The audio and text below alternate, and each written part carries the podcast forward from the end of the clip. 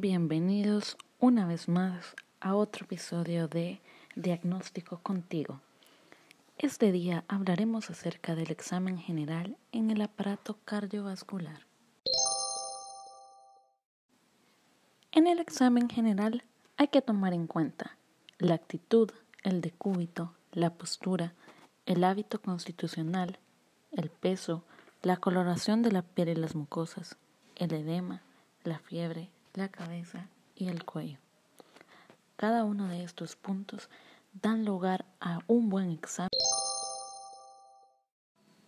Vamos a iniciar hablando con la coloración de la piel y de las mucosas.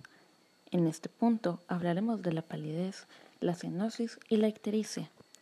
La palidez puede aparecer en distintos escenarios, ya sea en las mucosas, como es en el caso de anemia, o en el caso de vasoconstricciones cutáneas, como en valvulopatías aórticas, en insuficiencia mitral, en hipertensión arterial y en fases iniciales de lipotimia o síncope. Ahora bien, la cenosis puede definirse como el aumento de la hemoglobina reducida en el lecho capilar, cuando ésta sobrepasa los 5 gramos sobre decilitros.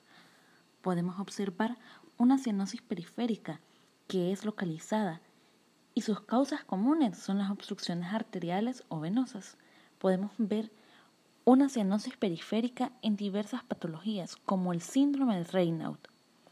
Continuando con la ictericia, podemos decir que es el color amarillento de la piel, que se da como resultado de un aumento en la bilirrubinemia en niveles superiores al 1,52 miligramos sobre decilitros.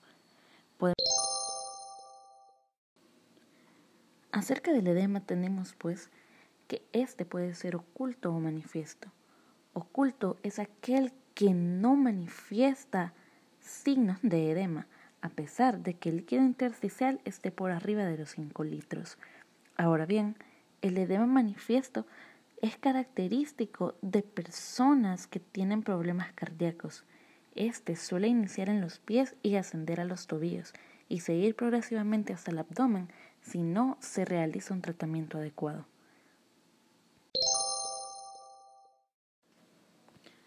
Continuando con el examen general, es necesario realizar una evaluación de cabeza en búsqueda de signo de Mosset, es decir, movimientos de la cabeza al mismo tiempo de los latidos del corazón. Otro signo importante que podemos ver es el signo de masa, característico de la enfermedad de Chagas. Por último, podemos buscar santilasmas vinculados con hipercolesterolemia.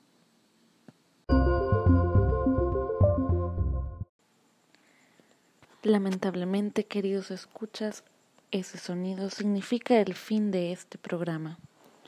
Vuelven mañana para continuar con examen del aparato cardiovascular. Hablaremos de la importancia que tiene el cuello, la actitud, el decúbito y la postura, el hábito y el peso. Gracias por sintonizarnos.